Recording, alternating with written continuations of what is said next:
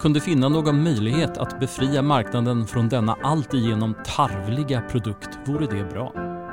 Hej hörni och välkomna till det tredje avsnittet i vår serie om den svenska filmcensurens historia. Sist gästades vi av Emma Gray Munthe som diskuterade klass, genus och rape and revenge-film med oss. Idag har vi glädjen att presentera en ny gäst och det är ingen mindre än Gunnel Arbeck, legendarisk direktör på Biografbyrån i hela 27 år. Med Gunnel så ska vi prata om det dagliga arbetet på byrån. Hur kändes det egentligen att titta på film? Ganska ofta obehaglig sån, hela dagen och sen kanske få skit för det beslut man fattade. Och hur kan man förhålla sig objektivt till den här typen av arbete? Och är det ens önskvärt? Idag ska vi även ta upp situationer då kända personer lagt sig i byråns arbete. Visste ni till exempel att Selma Lagerlöf en gång faktiskt fick byrån att ändra sig i ett censurärende, men att Martin Scorsese klagade men inte lyckades få dem att ändra sig? Slutligen ska vi komma in på filmcensur under krig. Till exempel, hur kan en spark på en vattenflaska äventyra Sveriges förhållande till främmande makt? Och hur var det egentligen? Var Charlie Chaplins film Diktatorn någonsin förbjuden i Sverige under andra världskriget?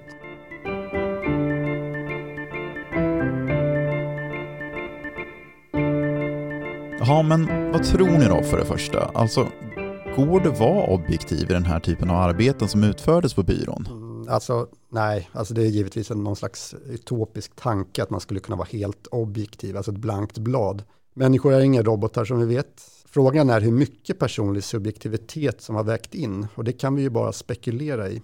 Och eh, det har man naturligtvis gjort genom åren. I förra avsnittet pratade vi rätt mycket om filmen Death Weekend Eh, och den blev ju totalförbjuden i Sverige inte mindre än sju gånger. Och här menar ju den här distributören av den här filmen att hela grejen, hela ärendet med den här filmen hade utvecklats till en prestigefråga där staten inte kunde ändra sig helt enkelt. Nej, men alltså, sist så talade vi också en del om, om klass och kanske en motsättning mellan fin och folkkultur där man gick hårdare mot det som inte ansågs vara bra eller ja, fin kultur på något sätt. Och vi ställdes också frågan om till exempel våld mot kvinnor dömdes hårdare än om det var manligt våld och sådär. Eh, och det är ju svåra frågor, men som vi var inne på, det går ju inte att vara objektiv liv. Det är ju inget konstigt med det egentligen, för ja, men vi är ju människor bara. Mm. Ja. Och man kan ju tänka sig att man hade kanske velat använda sig av AI idag om man skulle göra det för att få någon sorts objektivitet. Ja, en slags eh, upptränad AI som rensade ut som det som var olämpligt då kanske. Ja, precis. Man skulle också dessutom kunna tänka sig att den här AI skulle kunna vara upptränad för olika marknader och då alltså tilltänkt publik. Jo, lite dystopiskt också. Ja, Med tanke verkligen. på hur svårt det är att träna en AI och vara duktig och objektiv egentligen så precis.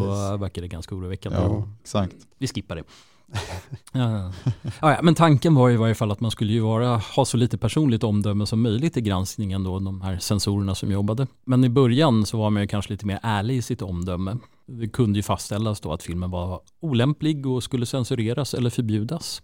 Men det här försvann ganska tidigt från de här granskningskorten faktiskt. Och det var kanske ett sätt att framstå som mer seriös i sitt arbete. Alltså de här personliga omdömena som fanns ja, på korten? Ja, precis. Det där med, jag ska inte säga uselt för det var väl mer stolpaffischerna, mm. men det kunde ju mm. stå olämpligt. Ja, det kunde ju stå att filmen, ja. att den var inte bra helt enkelt. Ja, precis. Den här uppenbara subjektiviteten som fanns väldigt tidigt i biografbyråns arbete, den var ju inte helt bortblåst ändå. För att jag har ett exempel här och det är från 1981 när en ehm, sensor blir intervjuad om filmen Jakten på den försvunna skatten. Och då kommenterar den här sensorn så här att ja, vi skulle vilja klippa bort en hel del. Den handlar ju inte om något och därför känns våldet onödigt och omotiverat. Och då invänder journalisten då som är Mats Olsson som numera tror jag är på Expressen och han liknar den här filmen vid en ganska oskyldig matinéfilm. Och då svarar sensorn igen så här, ja, den är svårt att ta på allvar eftersom att den inte handlar om något. Det är omöjligt för mig att inte reagera lite på vad han uttrycker sig där för ja, så den här filmen handlar väl om någonting eller? Och man kan ju ha lite svårt för fantastiken i det hela men jag menar ramhandlingen att nazisterna försöker få tag i den heliga arken för att dominera världen är väl uppenbar. Ja, det är en handling i varje fall. Sen kan man tycka vad man vill om den. Alltså personligen tycker jag att handlingen i den här filmen, som är då den första filmen om Indiana Jones, jag tycker den är jättebra, men det är, och det erkänner jag direkt, det är en högst subjektiv åsikt. Snakes. Why did it have to be snakes? 1954 hade man inrättat ett filmgranskningsråd som biografbyrån skulle vända sig till i svåra censurfall och om det var tänkt att en film skulle förbjudas helt och hållet. Som en referensgrupp i princip då som de kunde vända sig till. Precis, och det var ju en bra anledning måste man säga. Men det här rådet de kunde ibland uttrycka sig på ett sätt som i alla fall hintar om att de kanske inte var helt objektiva. Och kanske hade rådet också möjligen mer utrymme för personliga åsikter. Och tittar man då i arkivet eh, som handlar just om Filmgranskningsrådet så kan man till exempel läsa om när rådet 1955 diskuterade filmen De sköna synderskorna Eh, och det var en fransk komedi som absolut kan sägas vara spekulativ med lättklädda kvinnor och sådär, men det var ingen rent pornografisk film eller så. Och följande diskussion den utspelade sig när rådet eh, hade sett filmen, och jag citerar.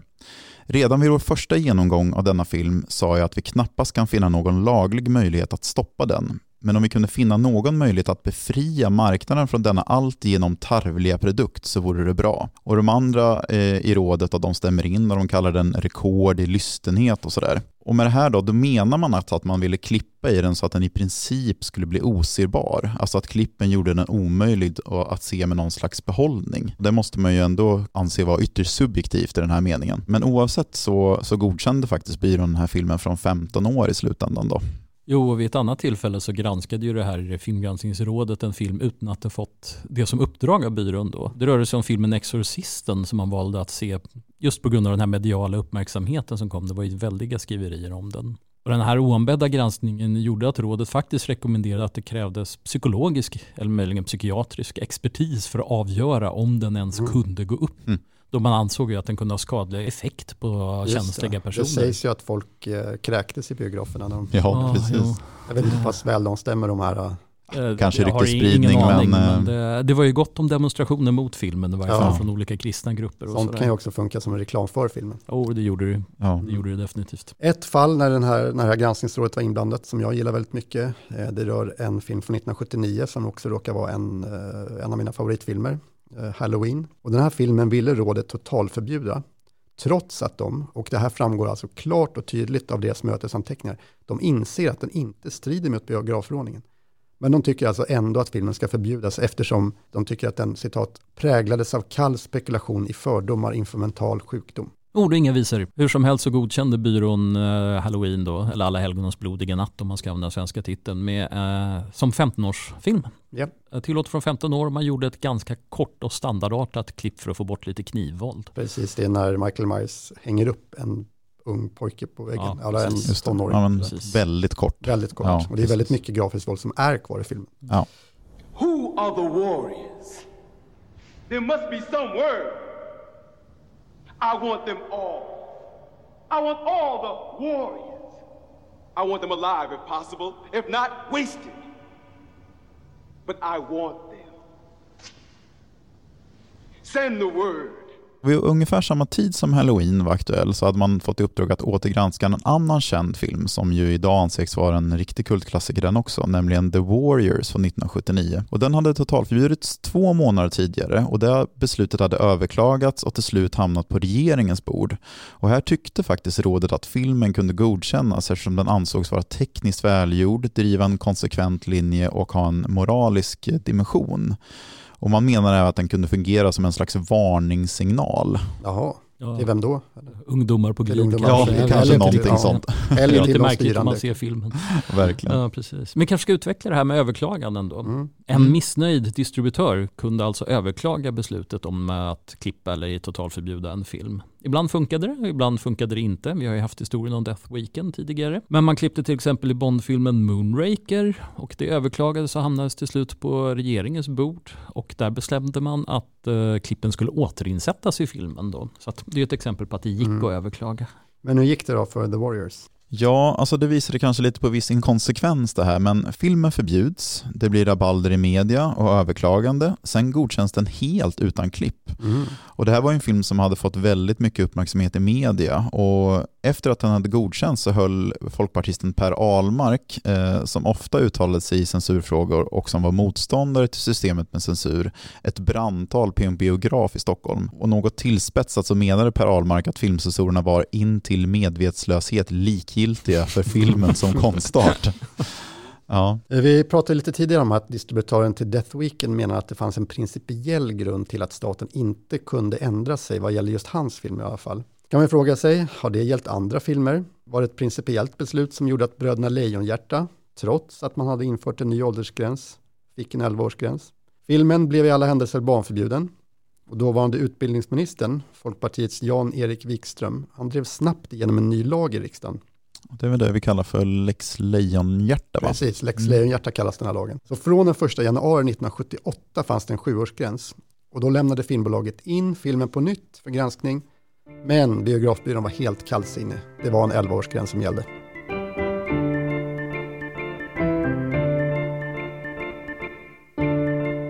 Nu är det dags att ringa upp vår gäst Gunnel Arbeck. Hej Gunnel! För oss filmintresserade behöver du nog kanske ingen närmare presentation, men för de lyssnare som inte vet så var ju du chef över Statens biografbyrå mellan åren 1981 och 2007. Det är ganska många år. Ja, det är det. Och det är också år som många gånger blev ganska dramatiska. Ja. Men vi är hur som helst väldigt tacksamma att du vill vara med idag. Hur kom du in på filmcensursbanan? Hade du någon bakgrund inom filmen? Nej, det hade jag inte direkt. Jag har alltid varit intresserad av film. Mm. Men det var så här enkelt att eh, jag hade varit kommunalråd i Uppsala några år och så slutade jag och eh, då ringde jag runt till alla jag kände i mitt nätverk och sa jag är ledig nu. Och eh, den som nappade på det var dåvarande kulturminister Jan-Erik Wikström. Så han frågade mig om jag ville bli chef för filmcensuren. Och det var innan man började utlysa sådana här tjänster, så det var handplockning. Just ja, för normalt sett numera så är det ju en helt annan process när man tillsätter en direktör. Oh ja, men det här var ju början på 80-talet, så då gick det lite lättfärdigare till. Ja, Han frågade mig och jag, ja, jag tackade ja, för det lät ju intressant Mm. och eh, jag har alltid varit intresserad av film som sagt, så att eh, det var inget svårt val. vad kul. Men hade du någon slags tanke om vad jobbet skulle innebära? Egentligen inte, men det lät spännande. Mm, det förstår jag. Jag hade också hoppat på om jag hade fått chansen. Ja, Eh, vi pratade lite grann om hur ni arbetade på byrån. Jag tänker på hur såg en vanlig arbetsdag ut? Träffade ni sig på morgonen och gick igenom vilka filmer ni skulle titta på? Satt ni och pratade film på fikat? Alltså hur såg det ut en dag på jobbet? Alltså för min del var det, jag var ju censor på halvtid och direktör på halvtid, så jag sysslade med en del administration. Mm. Eh, alla de sensorer vi hade, de jobbade också halvtid. Så att eh, de, de kom bara in delar av dagen så att säga. Och eh, vi hade en ordning där en av sensorerna som sedermera blev eh, biträdande direktör, han eh, hade gjort i ordning en lista på vilka filmer vi skulle se, så vi fick inte välja. Okej, för att jag tänkte precis också komma in på det, om det fanns någon inofficiell indelning, alltså om man tyckte att man själv var bättre. inledningsvis så gjorde det det. Mm. Men, men den försvann när eh, den här Erik tog, hand om ruljansen. Han var en mycket noggrann byråkrat. Så att han, han bestämde vilka filmer vem skulle se. Ja, okej, det låter ju som ett rättvist upplägg ändå, känns det som. Ja visst. Ja, men kunde det vara så att, att du eller någon annan kom till arbetsplatsen någon dag och kände så att åh nej, idag fick jag den här filmen, det var inte riktigt vad jag hade hoppats på här på måndag morgon. Nej, alltså jag, jag tror att vi tog ganska plikttroget på det där jobbet. Och eh, det var ingen som gnölade vad jag kan erinra mig. I det här arbetet fanns det en möjlighet att slippa undan om det var så att man kanske hade en dålig dag av någon anledning. Nej, det var faktiskt aldrig aktuellt. Nej, Det var, det var ingen som klagade hos mig över att de hade dåliga dagar. nej, en pliktkänsla. En personlig fråga, men har du någon gång själv tänkt så att nej, den här filmen, eh, jag fixar bara inte det här liksom. Nej, det har jag faktiskt aldrig gjort. Nej. Hur många var ni som arbetar på biografbyrån? Alltså förutom, eh, om man säger bortom sensorer, vilka var ni med? Jag antar att det var en del annan personal också. Ja, vi var väl ungefär ett dussin personer och det var fyra sensorer, fem med mig då. Mm. Och eh, sen var det en handfull eh, administrativ personal. Mm. Jag upplever så att tidigare under historien, alltså långt innan du började på byrån, så var personalen kanske lite mer öppen med sin subjektivitet. Det känns som att ni frigjorde lite grann från det här, alltså att ni blev bättre på att vara objektiva. Var det här någonting som ni diskuterade internt? Ja, ja, det gjorde vi faktiskt. Det här gällde framförallt sensorerna. De hade väldigt subjektiva kommentarer till de filmer de hade sett. Och det infördes på de här officiella korten så att säga, så Mm. det var ingen hemlighet. Men det där tyckte vi var ganska olämpligt och väldigt löjligt så att eh, under min tid så förekom ingenting sånt. Jag tänker på när ni fick nya medarbetare, hur introducerades de? Kan man lära sig att bli objektiv? Nej, det tror jag inte man kan. Alltså, ens känslor finns ju alltid med, men när man gör jobbet då ska man ha en korrekt dokumentation utan några känsloutbrott i och så. Mm. Nej, jag talade om för dem vilket lagrum som gällde och hur praxis hade varit med att tolka det här lagrummet och eh, ja, sen fick de ge sig in i jobbet bara. Jag försökte hjälpa till om de var lite rådvilla eller så. Mm. Men de, de stod ganska mycket på egna ben faktiskt. Jag tänker på, nu är en del kanske av chefsrollen för en statlig myndighet, men det känns som att du ganska ofta fick stå till svars för ert arbete och det känns som att du aldrig egentligen var rädd för att ta en debatt. Jag tänker på, blir ni ansatta utifrån? Eller det vet jag, men hur kändes det snarare att bli ansatt utifrån på det sättet som ni blev? Jag har aldrig varit rädd för debatter. Nej. Jag har, ju också ett, ett politiskt förflutet Mm. så att säga, så Mm. där ingick det. Och eh, ja, det var väl en och annan i allmänheten som gnölade, fast de gnölade åt olika håll så att Mm. säga. Just det. Att vi ingrep för mycket eller att vi ingrep för lite, så det tog jag faktiskt ganska lätt på. Apropå arbetsplatsen, det känns som att när jag tittar igenom arkivmaterialet och också din förnäma bok som du har satt ihop så känns det som att folk generellt sett stannade ganska länge på arbetsplatsen, alltså på biografbyrån. Vilket får mig att tänka på, alltså var det en bra grupp att arbeta i? Ja, det var det, fast där finns en krumelur. Därför att när jag började, de sensorer som fanns då, de hade suttit i evigheter. Men under något skede, jag tror att det var under den period när Marita Ulvskog var kulturminister, då infördes en regel att en censor fick bara sitta två mandatperioder så att säga. Mm. Och eh, skälet tyckte jag personligen var lite lustigt. Det angavs att eh, censorer kunde bli avtrubbade av sitt jobb. Ja, okej. Alltså att man skulle kunna bli utsatt för för mycket då. Ja, helt enkelt tappa känsla för saker och ting och det där har jag aldrig trott på, aldrig Det någonsin. låter lite konstigt faktiskt. Ja. Det innebar också att det blev större rotation på sensorerna efter det regeringsbeslutet. Blev det svårare för er att arbeta eller? Nej, det var bara det att engagemanget blev tidsbegränsat. Just det. Mm. Så man fick sitta två gånger fyra år har jag för mig att det var och sen var det slut. Vi pratade lite om allmänheten också, de reagerade på det här och jag vet att jag är lite för ung för att ha gjort det själv, men jag vet att det var många människor som kom upp till er för att få kolla på klipp. Alltså att begärde ut de här allmänna handlingarna som klippen utgjorde. Eh, vilka var det som kom upp? Var det journalister eller var det ungdomar som ville titta på skräckscener? Ja, det var nog lite blandat. Så väldigt mycket ungdomar kan jag inte minnas att det var faktiskt. Apropå det här med kontakter med allmänheten, eh, lite allvarligare. Vi har sett hotbrev i arkivet, alltså att ni som myndighet har mottagit hot. Hände det någon gång under dina år som du var med om konkreta hot på plats? Nej, egentligen inte och jag har inte lagt så stor vikt vid det där men jag minns att vid ett tillfälle så polisanmälde vi något sånt här hot, om det var personligt eller skriftligt minns jag inte. Men vi gjorde faktiskt en, en, en polisanmälan för ordningens skull så att säga. Ja, men det är fullt rimligt. Ja, vi har ju sett den här polisanmälan, finns ju faktiskt i arkivet. Så vi har, Jaha, jag har ja, läst den. okej. Ja, Ja, jag tror att det var så här att det var någon, något sånt här videomagasin som skämtsamt förvisso, men eh, uppmanade eh, läsare att skicka hot, tror jag. Och eh, Jaha, då hade man ja, någon som ja. hade tagit det på lite stort allvar kanske. Ja okej, sånt förekom även på den tiden. Ja, precis. Och om man ska döma av innehållet i brevet så var det förmodligen en ganska ung person Ja, ja, som hade gjort okej. det, som kanske inte riktigt förstod allvaret i det hela. Nej. Hur tyckte du att det fungerade när det kommer till relationen med filmbranschen då rent generellt? För vi har ju sett många brev från dels privatpersoner som kanske inte har fått sett sin favoritfilm, men också förstås korrespondens med filmproducenter och distributörer.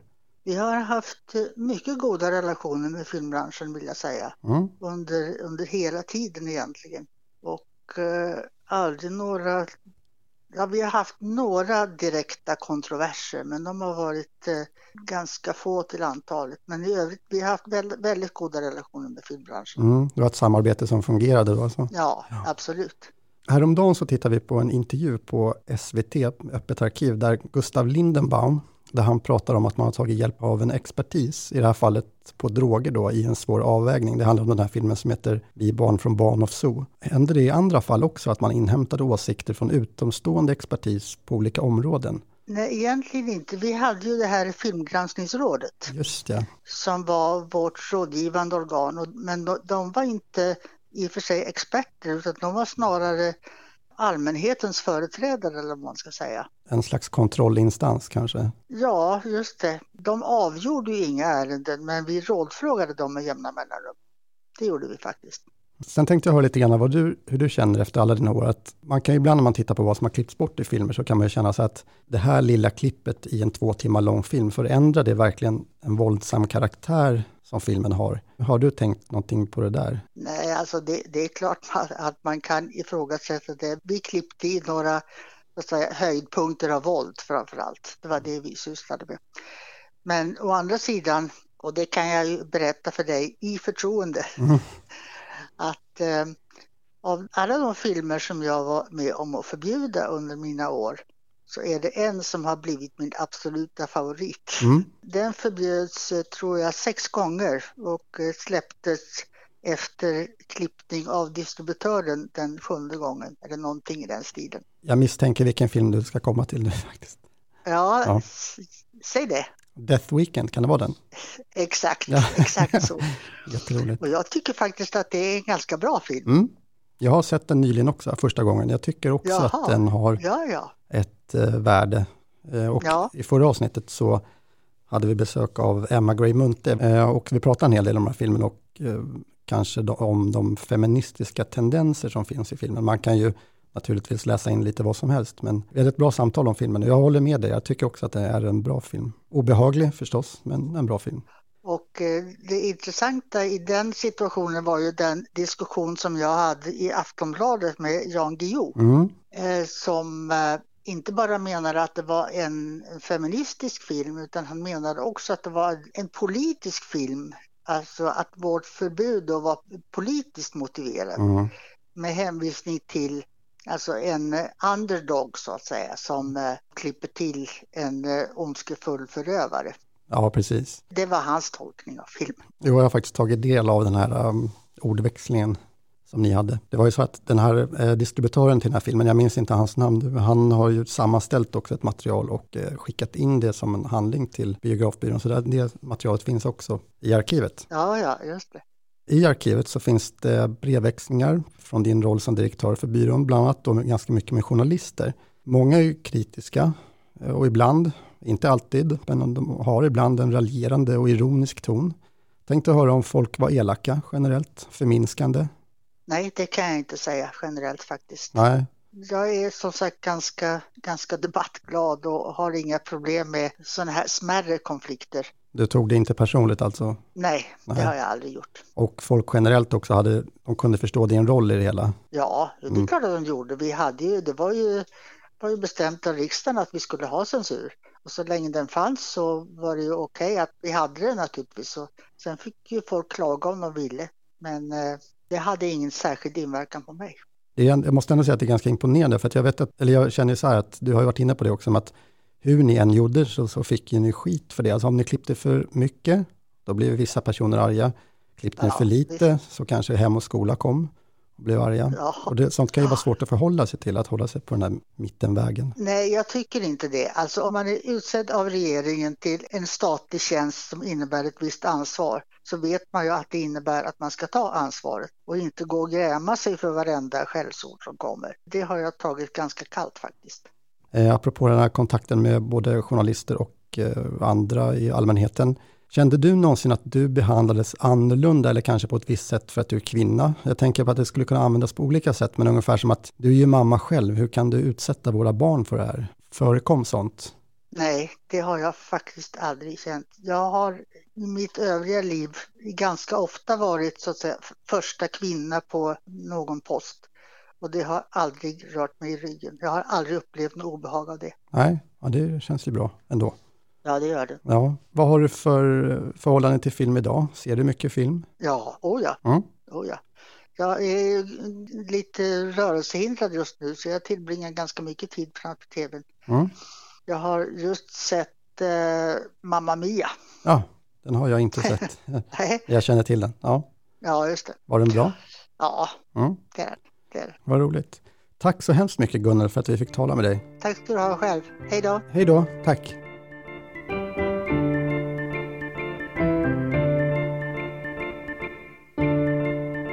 Wow, Gunnel Arbeck alltså. Otroligt roligt att äntligen få höra denna legend. Men för att gå vidare då, alltså Många vet hur det kändes att som publik drabbas av filmcensur och sådär, men, men hur kände egentligen filmskaparna som fick sina verk klippta? Alltså många av de här filmerna som censurerades i eller klipptes eller förbjöds, det, det skedde ju säkert utan att upphovspersonen överhuvudtaget fick reda Mm. på det i och med Nej. att det var importerad film. Så är det ju. Det- Men värre var det väl för distributören eller de som köpte in filmen till Sverige, för de hade ju investerat pengar i det Mm. och ville ju visa den för att tjäna in pengarna. Precis, alltså jag vet att under vissa perioder, åtminstone fanns det under 1930-talet, det var ofta så att man hade skrivit in en censurklausul i köpkontraktet. Så att när en svensk distributör köpt en film från utlandet för svensk visning, då hade man en sån här klausul. Ja, ja, som den blev totalförbjuden så löstes den ut och så kunde köpet typ annulleras. Precis. En känd regissör som personligen kontaktade byrån när det bestämdes om omfattande klipp i hans filmer, det var Martin Scorsese. Jo, Scorsese var väl den sista regissören som fick sina filmer klippta i Sverige också. Ja, Mm. Precis. censurerade. Och många känner säkert till att han kontaktade byrån och sådär, för det är ju som vida känt i, inom filmintresserade kretsar och så. Men det finns ju faktiskt fler kända personer som genom åren har kontaktat byrån med åsikter om ja, men deras arbete och sådär. Har vi Jens något exempel på det här? Mm. 1925, då skulle byrån klippa i filmen Ingmarsarvet, som är baserat på en bok av Selma Lagerlöf. Och då reagerade Selma Lagerlöf mot den här censureringen. Och byrån ändrade sig faktiskt. Man hade så stor respekt för Lagerlöf helt enkelt. Och censurchefen Gunnar Bjurman sa då så här, citat, vad som härvid bestämt oss är endast och allenast doktor Lagerlöfs eget uttalande i saken. Ingen av oss delar hennes åsikt att uteslutande av ifrågavarande ruskiga detaljer skulle göra skeppsbrottet utan egentlig mening. Men då hon synes ikläda sig det moraliska ansvaret har vi just denna grund ansett oss kunna ikläda oss det formella. Respekt för den uppburna författarinnan verkligen. Ja, Precis. verkligen. Hon hade en otroligt hög ställning. Vi har också brev från Willem Moberg till chefen för biografbyrån med anledning då av ingripande i filmen Gläd dig i din ungdom som är baserad på Mobergs eh, roman Sänkt CD-betyg. Och där var det faktiskt så att regissören då, en Per Lindberg, han hade låtit chefen för Statens biografbyrå läsa själva manus innan inspelningen Mm. då för att få ha förhandsbesked om vilka partier som kunde tänkas eh, bli känsliga vid en senare bedömning då. Det var ju någonting nytt att eh, biografbyrån alltså fick ge råd till regissören om vad som skulle tas bort. I retrospekt kanske det inte är så dumt ändå Mm. med- tanke på hur dyrt det är att spela in film. Ja. Det är dyrt men samtidigt det känns det som ett läskigt ingrepp i den Ja, konstnärliga och friheten, yttrandefriheten. Men ja, man förstår ju praktiska det. Ja, man kan förstå att de ville ha Ja, den inputen på Precis. något sätt. Ja, visst. Vi vet i varje fall inte riktigt hur de här diskussionerna kring själva manuset gick och vad man tog bort redan på manusstadiet. Då. Men däremot så på censurkortet så står det helt enkelt klippt en mindre del av kärleksscener i akt 3 och 4. Det är ju ganska standardartat egentligen från den Mm. tiden. De här ingripandena mot den här filmen då, de uppmärksammades ganska mycket i pressen då och Moberg gav sig in i debatten med ett förslag om att det i filmcensorernas krets borde finnas personer som företräder inte bara pedagogiska utan även konstnärliga synpunkter. Vilket väl känns som en tråd som kanske sen ledde vidare till det här Per Ahlmarks uttalandet som vi hörde tidigare. Ja, det är en det mindre diplomatiska däremellan. uttalandet. Verkligen. Om vi ska gå tillbaka till Martin Scorsese då. Han var alltså den regissör som blev den sista att se sin film klippt inför svensk biografvisning. Och det var när biografbyrån 1995 ansåg att filmen Casino krävde censur. Och tre år tidigare så hade hans film Cape Fear blivit föremål för en ordväxling mellan myndigheten och regissören. Counselor? Counselor? Could you be there? Could you be there?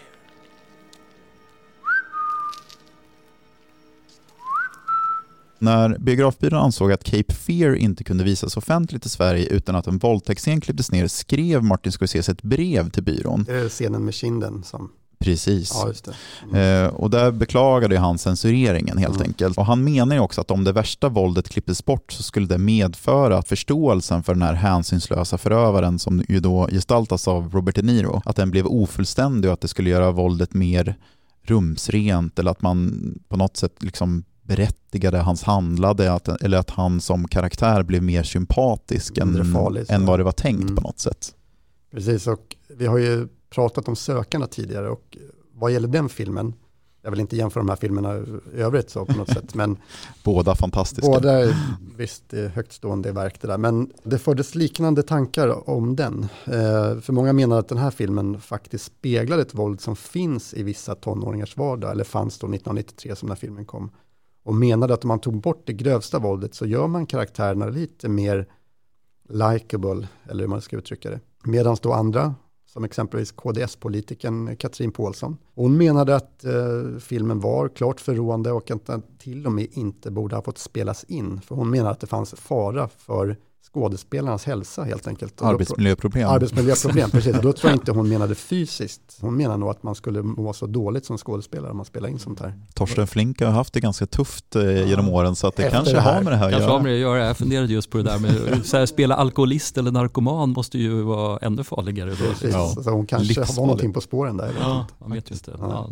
Hur som helst, det här ingripandet man kommer att göra kommer att kallas för att hamna i ett Cape Fear-läge helt enkelt. Kunde man klippa bort något utan att förändra karaktären på filmen för mycket eller karaktären på personerna? Alltså att göra ett enda litet, litet, litet klipp. Om Ja, det. ja precis. Precis, och Ja, hur mycket ändrade det egentligen en films förråande karaktär? ja, just det. Angående Casino då, så fick han faktiskt inte rätt mot byrån och istället så gick man på censurlinjen och då överklagade Scorsese till högre instans men även där så förlorade han. Och ett tag så var det faktiskt oklart om Casino överhuvudtaget skulle gå upp i Sverige för att ja, men, Scorsese ställde sig emot det helt enkelt. Men till slut då så beslöt man ändå att man skulle visa filmen för svensk publik. Men då att man la in en skylt eller en disclaimer innan filmen började där Scorsese tyckte att det var ja, men sorgligt eller att det hade gjorts ett ingrepp i hans så att säga, konstnärliga verk på något sätt.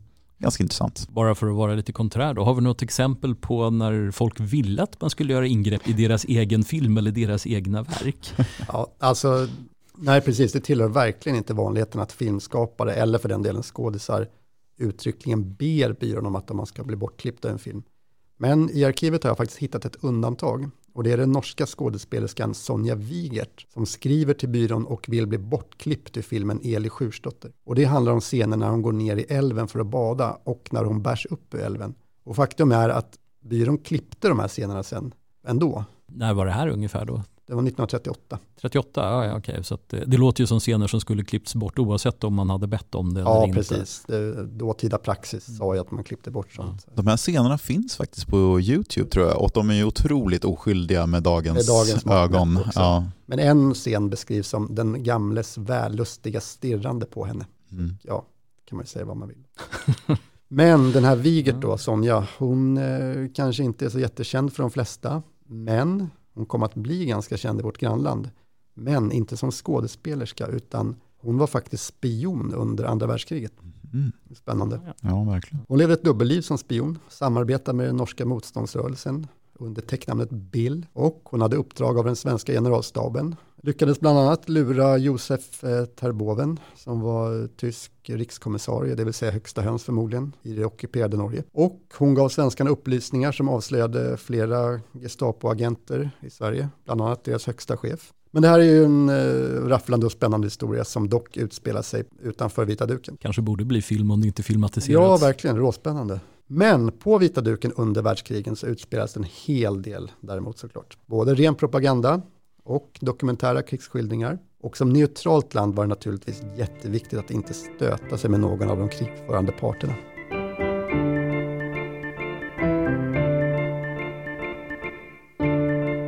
Vi har ju tidigare utlovat att vi ska ta upp huruvida Charlie Chaplins Diktatorn var förbjuden i Sverige under andra världskriget och ni ska snart såklart få svar på den frågan.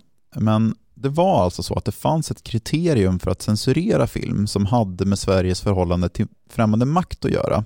För i samband med utbrottet av första världskriget 1914 typ. Eh, Ja, precis. Då tillkom en ny bestämmelse i biografförordningen och denna gjorde att det inte gick att visa filmer som kunde äventyra Sveriges förhållande till främmande makt. Under krigsåren, alltså under första världskriget 1914 till 1918, så förbjöd byrån 17 17 filmer med hänvisning till just den här nya då utrikespolitiska censurnormen då kan man kalla det. Och huvuddelen av de här filmerna de hade med alltså kriget på något sätt att göra, alltså ett spiontema eller, eller liknande. Alltså vi pratar dramatiserade filmer? Alltså. Ja, ja, exakt. Ja, de här spionfilmerna de innehöll ju ofta något så här rafflande eller agentscener eller våldsinslag. Så att eh, det är fullt möjligt att de hade förbjudits ändå. Ja, som raffel och spänning och våld andra inte kriterier, var populärt. Ja. Liksom, inte hos byrån. Precis. Populärt hos publiken, inte populärt hos byrån. Nej, och allt förbjöds ju inte. Man kunde ju också klippa eh, filmen och sådär. Och under den här tiden så var ju filmen också stum. Ja. Eh, så då var det ganska enkelt att till exempel byta ut bildtexter och sådär. Och det gjorde man ju oftast då för att kanske ja, men, ta bort de här eh, propagandaliknande karaktärerna som en film kunde ha och så. Just det, det var bara byta ut textremsorna så ja. Det, just, ja, det är smart. Mm. Eh, men vad gäller själva bilderna så tog man också bort sånt som eh, beskyllningar från den ena sidan mot den andra. Det vill säga typ eh, att man påstår att de andra gör sig skyldiga till övergrepp mot civilbefolkning och så vidare. Eller nedsättande bilder och karikatyrer mot den andra sidan, alltså typ mot dess ledare eller politiker. Första världskriget tog slut eh, och världen kunde andas ut i ungefär 20 år tills det var dags igen. Utbrottet av det andra världskriget innebar än en gång att det kom film till Sverige som var tvungen att censureras med hänvisning till den här vinklade karaktären som de här filmerna ansågs ha. Då. Och redan i september 1939, det vill säga bara några dagar in i kriget, då klippte man bort bilder från de här inledande konflikterna mellan Polen och Tyskland. Bland annat bilder som visar, citat, hur polska riksvapnet avlägsnas och kastas ner. Ja, vanvördnad av nationella symboler var ju känsligt utgick oftast, även i journalfilmer, inte bara i liksom, dramatiserade spänningsfilmer. Ja, Nedfallna symboler, flaggor som man råkar trampa på och sånt, det är bort med det. Och biografbyrån rådgjorde ju ibland med Statens informationsstyrelse också då. Statens informationsstyrelse ja. var ju någonting man tillsatte under kriget för att man skulle kontrollera hur informationen flödade i samhället och var ja, så att den inte orsakade skada i förhållande till främmande makt till exempel.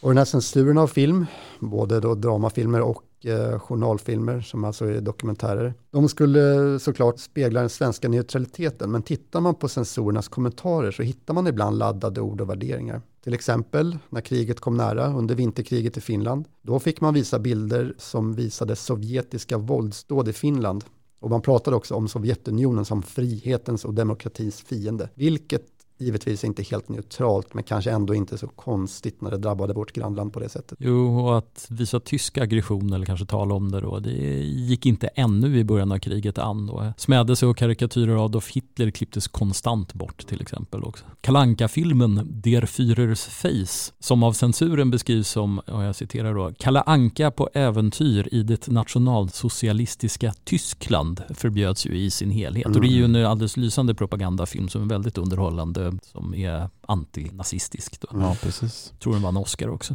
Ja, det är en fantastisk film på många sätt. Och trots den aktiva eh, censuren var det väldigt vanligt att den tyska ambassaden i Stockholm reagerade på svensk censur och vad den tillät. Och tittar man i arkivet hittar man många telegram och brev till UD där tyskarna känner sig kränkta och markerar mot vad som tillåtits i antitysk väg och så. Das Strafnichtshilfensekt! Der Wiener Schnitzel mit der Lagerwerten und das Sauerkraut!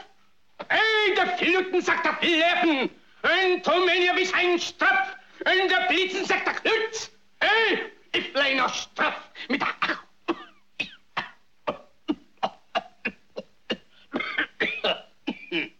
Ballone. Apropå antityskt, hur var det nu då? Diktatorn av Charlie Chaplin, var den någonsin förbjuden i Sverige det, under andra världskriget? Nej, alltså det är en vanlig förekommande missuppfattning faktiskt. Den var aldrig otillåten för att den lämnades nämligen aldrig in för granskning överhuvudtaget. Ah. För att man då misstänkte, eller man var ganska säker på att den inte skulle Nej. godkännas. Eh, men filmen visades dock rätt mycket i Sverige inför så kallade slutna sällskap faktiskt. Och det är ju sådana visningar då som varken ja, UD eller Statens informationsbyrån kunde stoppa, om de ens ville stoppa dem. Nej men exakt, man, alltså man kunde ju kringgå biografbyrån om man begränsade visningar till så kallade slutna sällskap. Eh, och en rolig grej är att den första kopian av filmen som sändes i Sverige av, av diktatorn, alltså, den blev faktiskt beslagtagen med en tysk bordning av fartyget. Otroligt dramatiskt faktiskt, även om alltså filmens öde i Sverige, alltså i, i censur och biografbyråns ögon var ganska odramatisk. Man undrar lite grann om de här matroserna som beslagtog den, om de tittade på den eller om de kivade den över bordet. Precis. Flottan var ju lite mindre partivänlig i Tyskland Ah, sägs det i varje fall. Då att det var där de lite Ah, mer kritiska ofta hade karriär. Men man ska aldrig säga aldrig. Eh, Men det lämnades givetvis in film för granskning också under andra världskriget och den här klipptes ju och censurerades. Till exempel en känd film från 1943, Casablanca. klippte man bort en hel del antitysk och anti-italiensk dialog och i samma film så klippte man bort en scen där polisen sparkar på en Vichy-vattenflaska vilket då antogs vara en dissning av den franska Vichy-regimen. Det verkar ju vara ett korrekt Mm, antagande. Ja, det verkar korrekt. Från 1944 så var ju krigets utgång mer eller mindre helt självklar för de allra flesta. Och biografbyrån blev allt mer på sin vakt mot antisovjetiska saker i film. Och sen var det ju vissa saker också som hade varit känsligt tidigare, som exempelvis koncentrationsläger. Och det hade aldrig gått att visa tidigare, men våren 1945 då godkände man faktiskt bilder helt osensurerat från Buchenwald och Belsen.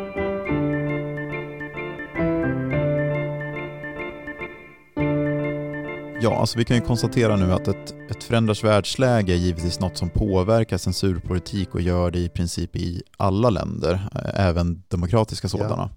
Men hur har debatten egentligen sett ut under åren? Eh, Vi hade ju filmcensur under hundra år i Sverige. Jo, jag menar, åsikter och attityder har ju förändrats.